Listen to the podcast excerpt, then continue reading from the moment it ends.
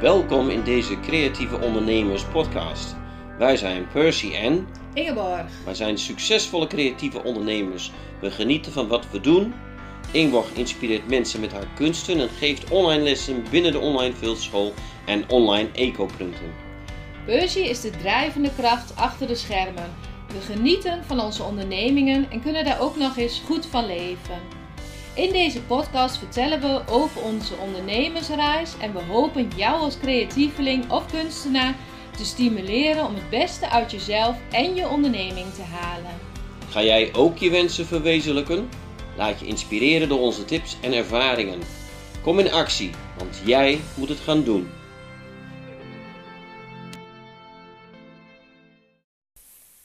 Goedemorgen, daar zijn we weer voor deze podcast. Welkom Percy.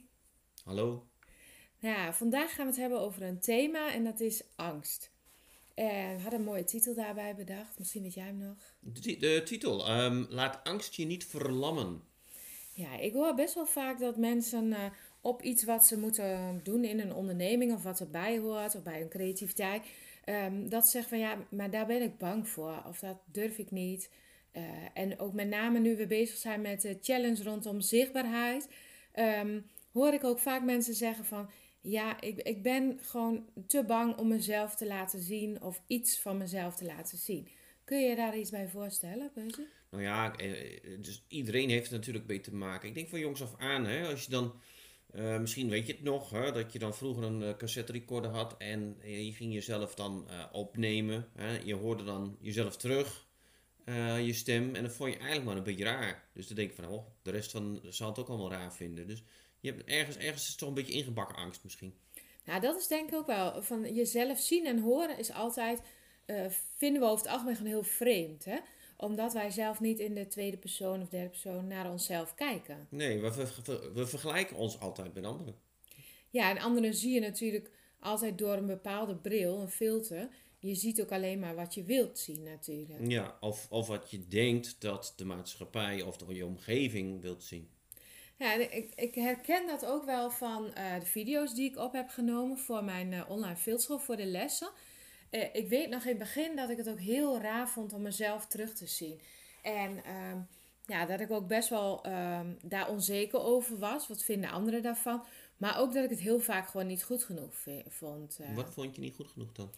Ja, ik vond dat ik raar praatte of dat ik raar keek soms. Of bepaalde woorden merkte ik opeens dat ik die best vaak zei. Maar was het anders dan dat je normaal deed? Ik denk het niet, volgens mij niet. Volgens mij heb jij het toen ook wel bekeken. En vond jij het helemaal prima. Ja. Maar ik was niet gewend om mijzelf op die manier te zien. Dus dat, ehm, ja, dat was echt best raar in het begin. En dan, eh, ja, je hebt gewoon, tenminste ik had best wel een oordeel over mezelf. Van, nou, eh, dat doe ik raar. Of dat, eh, ik praat niet duidelijk. Of ik doe dit niet goed. En ehm, ik merkte wel, toen ik er langer mee bezig was en die video's ging editen en monteren, dat ik er ook aan begon te wennen. Ja. En wat eigenlijk was het een soort van opstartprobleem misschien of zo.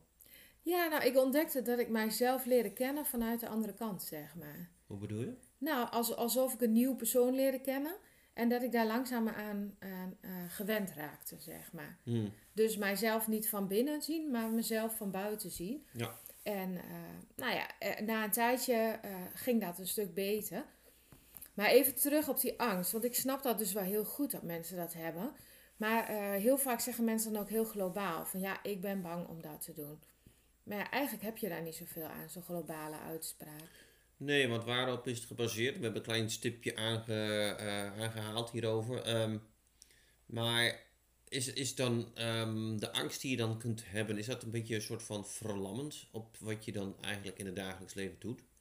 Nou, vaak houdt angst je tegen, hè? Hmm. En eh, het is ook wel een mooie uitspraak. Mijn moeder zei het ook wel eens van... eh, je, een mens lijdt meer aan het lijden wat hij vreest, zeg maar. Of de angst. Ja. Dus de, bang dat, ja, dat je daar last van gaat krijgen... of iets wat eronder zit...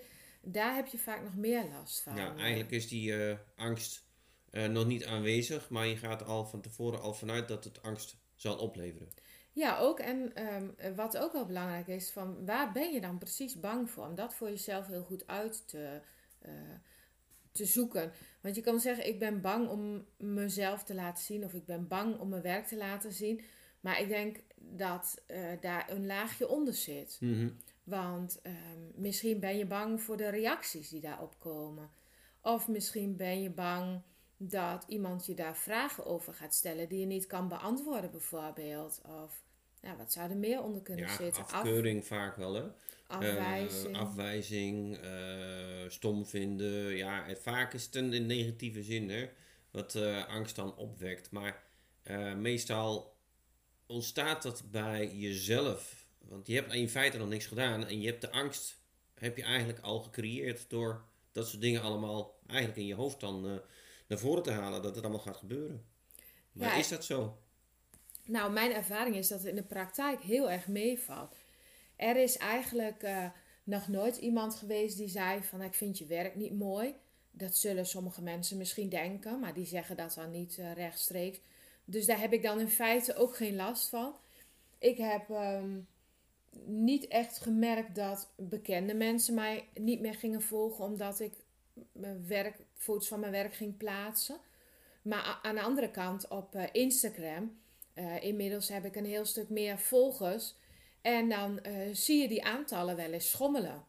Maar eh, ja, in dat geval zie ik het absoluut niet persoonlijk. Want eh, dan denk ik, dat zijn meer mensen die kijken van... hé, hey, wat voor foto's ze plaatsen of wat voor berichten. Hm. En die schonen hun, hun aantal mensen op en die gooien er wat uit die ze op dat moment niet meer interessant vinden. Maar dan gaat het niet over mij persoonlijk. Nee, maar je hanteert dus in feite dan een getal om te zien of je populair bent. Of eh, je laat het aan een andere over. Of kun je er misschien bij jezelf te raden gaan van... Sta ik achter mijn product? Vind ik mijn product eh, mooi? Ben ik heel blij mee? Eh, straal je dat uit? Ja, dat is volgens mij het allerbelangrijkste. Dat je inderdaad dat gezicht van het product bent. En wat jij zegt, wel aantallen zijn in die zin ook helemaal niet belangrijk.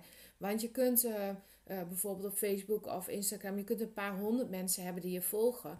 Maar als jij hele mooie dingen laat zien en je hebt een goede connectie met mensen en je vertelt over wat je doet en mensen reageren daarop en jij reageert er weer op, dan heb je een echte connectie. Ja. En dat is minstens zo belangrijk dan dat je maar wat eh, in het wilde weg eh, gaat doen. Ja, nou ja, je, je hebt dus... eh, kijk, die cijfers zijn natuurlijk opgebouwd uit mensen die geïnteresseerd zijn en mensen die eigenlijk gewoon overal klikken. Dus ehm, aantallen zeggen niet veel. Het gaat puur om van de kwaliteit van, van je volgers. Zijn het echt allemaal mensen die betrokken zijn, zoals je net zegt? Ja, nou ja, even terug naar die angst. Van, eh, een angst die, die mensen heel vaak hebben. Hè? Vooral ook voor zichtbaarheid. Wat vindt men ervan? Ja, eh, je zou het ook eens kunnen uitproberen. Hè? Hmm. Ehm, want je kunt altijd daarin nog stappen terug. Ik bedoel, je kunt foto's verwijderen als je denkt, hier krijg ik geen leuke reacties op. Of eh, het is sowieso eh, zo volgens mij dat maar weinig mensen reageren. Dus als er 100 mensen het zien en 100 mensen vinden het leuk zeggen, dan zijn er maar 10 die het vaak zeggen. Ja. Dus dat is ook al iets om rekening mee te houden. Dus als je geen reacties krijgt, wil dat niet zeggen dat mensen het niet leuk vinden. Ehm, ja, je kunt het uitproberen. Want eh, je hebt volgens mij eh, twee keuzes daarin. Of je, gaat, eh, je blijft stilstaan en je doet niks, omdat je te bang bent om iets te doen. Of je gaat het uitproberen en je gaat ervaren hoe het is. Ja. ja, en even terug op eh, thema van vandaag. Angst kan verlammend werken. Ik denk, ehm, als dat het geval is, dan heb je wel een beetje een probleem als ondernemer. Ehm, angst om jezelf te laten zien ehm, zorgt er elk geval wel voor dat je onderneming, als je die al hebt of als je die wil gaan beginnen, dat die eigenlijk niet echt van de grond gaat komen. Nee, want zichtbaarheid is toch een heel belangrijk thema. Ja. Dus ja, als je daar echt zo bang voor bent, dan ten eerste dus onderzoek wat zit erachter. Eh ja, ontdek je dat het dan nog steeds erg eh, eh, staat, zeg maar. Dat het gewoon een groot ding voor je is. Ja, dan kun je ook weer verschillende dingen doen. Je kunt zeggen, oké, zichtbaarheid of alles wat ermee te maken heeft, dat past niet bij mij. En dan kun je kijken, kun je daar een andere oplossing voor zoeken. Ja, in, in het geval van een kunstenaar zou je kunnen denken van... hey, ik wil dus niet de markt op om mijn product te verkopen. Kun je dus ervoor kiezen om eh, bijvoorbeeld een galeriehouder eh, erbij te nemen... dat die het voor je gaat doen. Dat die ervoor gaat zorgen dat je spullen dan verkocht worden. Ehm, volgens mij heb jij daar ook iets met, uh, met sjaals, geloof ik, hè? Ja, ik heb mijn sjaals een hele tijd verkocht via een boutique. Op dit moment zijn er nog een aantal daar. Een, um, concept store heet dat. En dat is echt een, een winkel, zeg maar, waar ze van verschillende ontwerpers inkopen. En wat zij doet, is zeg maar de ontwerpers vertegenwoordigen. Dus op het moment dat iemand daar die winkel in komt en iets zoekt, zoekt zij spullen bij elkaar bijvoorbeeld mooie jurk en in mijn geval de sjaals, dan zegt ze: hey, deze sjaal past er goed bij. En wat ze dan ook vaak doet, is het verhaal van mij daarbij vertellen. Deze is handgemaakt op die manier. Uh, de ontwerper heeft dit als uh, gedachte erachter. Dit is het thema wat ze vaak gebruikt. Dus um, ja, dat soort um, ja, aspecten die worden dan vertegenwoordigd door zo'n, in dit geval een boutique-eigenaresse. En die verkoopt dan voor jou het werk. En dat heeft natuurlijk voor- en nadelen. Want je hoeft maar eenmalig jezelf aan haar dan te verkopen. Op het moment dat zo iemand enthousiast over je is, uh, kan je daar een hele serie uh, werk via dat kanaal verkopen. Het nadeel is natuurlijk dat er een tussenpersoon is en dat je een deel van je um, ja, commissie zeg maar, daar uh, aan geeft. Maar ja, het levert je ook veel op. Dat je daar dus geen zorgen om hoeft te maken om jezelf te promoten of die PR-kant. Nou, dat klopt. En dan heb je dus meer tijd om nog meer te maken. Ja, alleen het, het jammere vind ik daarvan is dat je niet zelf ziet welke klanten jouw werk kopen. Nee, en je hebt natuurlijk ook niet de verbinding met de klanten in de toekomst. Nee, je weet niet exact wat uh, klanten op je werk zeggen, wat ze wel en niet uh, mooi vinden of waarom ze iets wel of niet kopen. Uh, soms kun je dat terugkrijgen via de shop-eigenaar, zeg maar. Maar uh, ja, dat is wel belangrijke informatie. Ja, ja. Dus dit is, dit is in feite wel een optie om, uh, als je die angst hebt om jezelf te presenteren of, of de markt op te gaan, is dit een optie. Um, maar als het mogelijk is, hè, als je dan bij jezelf denkt van ik wil het toch zelf doen en je hebt die angst, lijkt me wel handig om te even te onderzoeken of dat niet mogelijk is om dat te overwinnen. En Vaak is het, hè, wat je ook al zei in het begin, het opnemen van video's is toch een beetje eng in het begin. Hè, van hoe ziet het eruit? Vinden mensen dit wel interessant? Komt het goed over? Misschien is dat voor iedereen dan ook een dingetje. datgene wat we niet weten, wordt heel snel tot angst verheven. Um, dus het doen, het oefenen, droog, oef, mm. droog, oefenen noem ik het dan maar, kan misschien wel een, een hulpmiddel zijn om je angst te overwinnen op dat vlak. En volgens mij is het echt een leerproces. En ook met die angst inderdaad. Kleine stapjes zetten. Elke keer ietsje meer, iets uitproberen. Kijken hoe je dat ervaart. En dan weer een stapje verder. Maar het is ook heel lastig. Want je moet eigenlijk een beetje door die angst heen. Mm -hmm. ja. En je moet stappen zetten die je heel spannend vindt. En uh, soms zal je dat alleen lukken. En soms heb je daar een... Uh, uh, een soort klein duwtje voor nodig, of een aanmoediging of support, zeg maar. Nou ja, ja een coach is vaak wel uh, iemand die dus uh, je daarin kan helpen. Hè? Om te kijken van, hé, hey, hoe, hoe, hoe doe je dat? Laat ze even zien. Een coach die kan dan even wat feedback geven, maar dan moet je wel een beetje een positieve coach moet je wel zoeken. Niet iemand die je dan gelijk weer afkraakt. Maar gewoon iemand die, die je begeleidt in, in het proces en je helpt met het groeien. Ja, en vooral iemand die in je gelooft, denk ik. En ik zie dan een beetje voor me, en dat is een ideaal plaatje, want niet iedereen heeft dat misschien zo ervaren. Maar een beetje een ideale rol van ouders bijvoorbeeld. Die dan als kinderen hun eerste stapjes zetten, dan aanmoedigen en klappen en enthousiast reageren. Weet je, dat heb je ook een beetje nodig in, dat, in die fase. Mhm. Als jij de eerste spannende dingen naar buiten toe doet, dat iemand zegt: Ja, hartstikke goed, dat doe je goed, het ziet er goed uit kom, ga lekker doorgaan zo. Ja, maar ook aangeven van als het even niet uh, goed genoeg is, even weer een beetje bijsturen. Ja, nou, of tips geven, ja. Uh, ja. dat soort dingen. Maar uh, ja, dat kun je in verband met anderen soms nog net iets makkelijker doen. En nou, dat is ook de reden dat we deze week met de challenge bezig zijn. drie avonden gaan we daarmee bezig. Met kleine stapjes ook. Dus echt niet helemaal in diepe. Maar gewoon kleine stapjes vooruit om het te verbeteren. En ik denk, ja, dat werkt vaak het beste. Want je kunt wel hele cursussen volgen. Die zijn er allemaal hè, over hoe je de beste video's kunt maken. Of hoe je je website helemaal proof kunt maken voor bezoekers. Maar volgens mij gaat het echt om die hele kleine stapjes dicht bij jezelf. Eh, zet eerst maar eens een tekst erop wat over jou gaat. Eh, laat jezelf eerst maar eens net iets meer zien dan dat je nu doet. Mhm. Eh, ga kleine stapjes zetten. Want als jij gaat bestuderen hoe het in het groot moet, maar je durft die kleine stap niet te zetten, ja, dan, dan gaat het gewoon niet helpen voor je. Nee. nee, en er zijn zoveel stappen die je, die je kunt zetten. En als je het allemaal bij elkaar eh, gaat eh, eh, neerleggen op tafel en, en gaat bekijken, dan, dan schrik je ervan. Ik snap ook wel dat de angst dan ontstaat. Want probeer dan stukje voor stukje dan aan te pakken, daarin te oefenen, daar te leren en te groeien.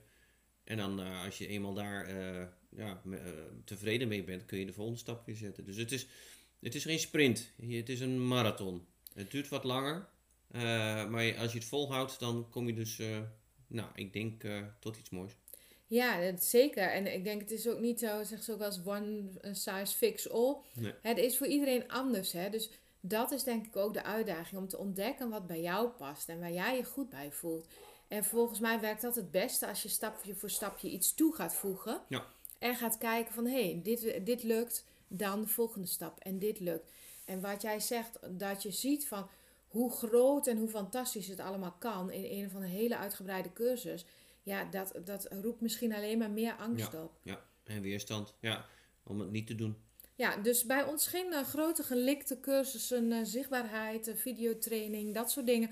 Maar gewoon een challenge waarin je gewoon je eigen kleine stappen gaat zetten. Ja, Op en- weg naar meer zichtbaarheid. En veilig, want het is niet zo dat je dan gelijk de wijde wereld mee ingaat. Het is gewoon puur om even te oefenen eh, en, en, en kijken hoe dat, hoe dat gaat. En wij kunnen dan eventueel dan wel iets eh, van feedback teruggeven.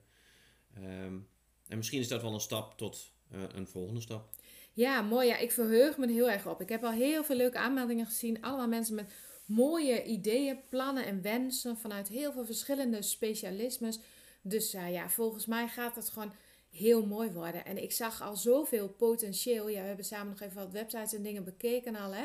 Gewoon zulke mooie dingen die mensen doen. Maar wat soms nog zo verborgen zit achter, nou ja, achter de voorkant van de Ja, website. Of, Ja. of misschien nog helemaal niet zichtbaar. En, Misschien eh, is dat ook een soort angst, hè? Dat je je verstopt. het is veilig, hè? Maar eh, nou, het is zeker niet nodig, want de kwaliteit is er vaak wel. Dus eh, de uitdaging jou om mee te gaan doen met de challenge. En laat jezelf zien. Ik denk Helemaal dat goed. we daarmee afsluiten voor Ja. vandaag. Bedankt voor het luisteren naar deze podcast. We hopen dat je weer geïnspireerd aan je creatieve onderneming gaat werken. Want wensen komen niet vanzelf uit. Die kun je zelf verwezenlijken door duidelijke doelen, door erin te geloven en door structuur en focus aan te brengen. Wil je daar wat ondersteuning bij? Een mentor die met je meekijkt en je aanmoedigt? Wil je onderdeel zijn van een netwerk van creatieve ondernemers? Kijk dan even op de site decreatieveondernemers.nl. We helpen je graag je wensen te verwezenlijken.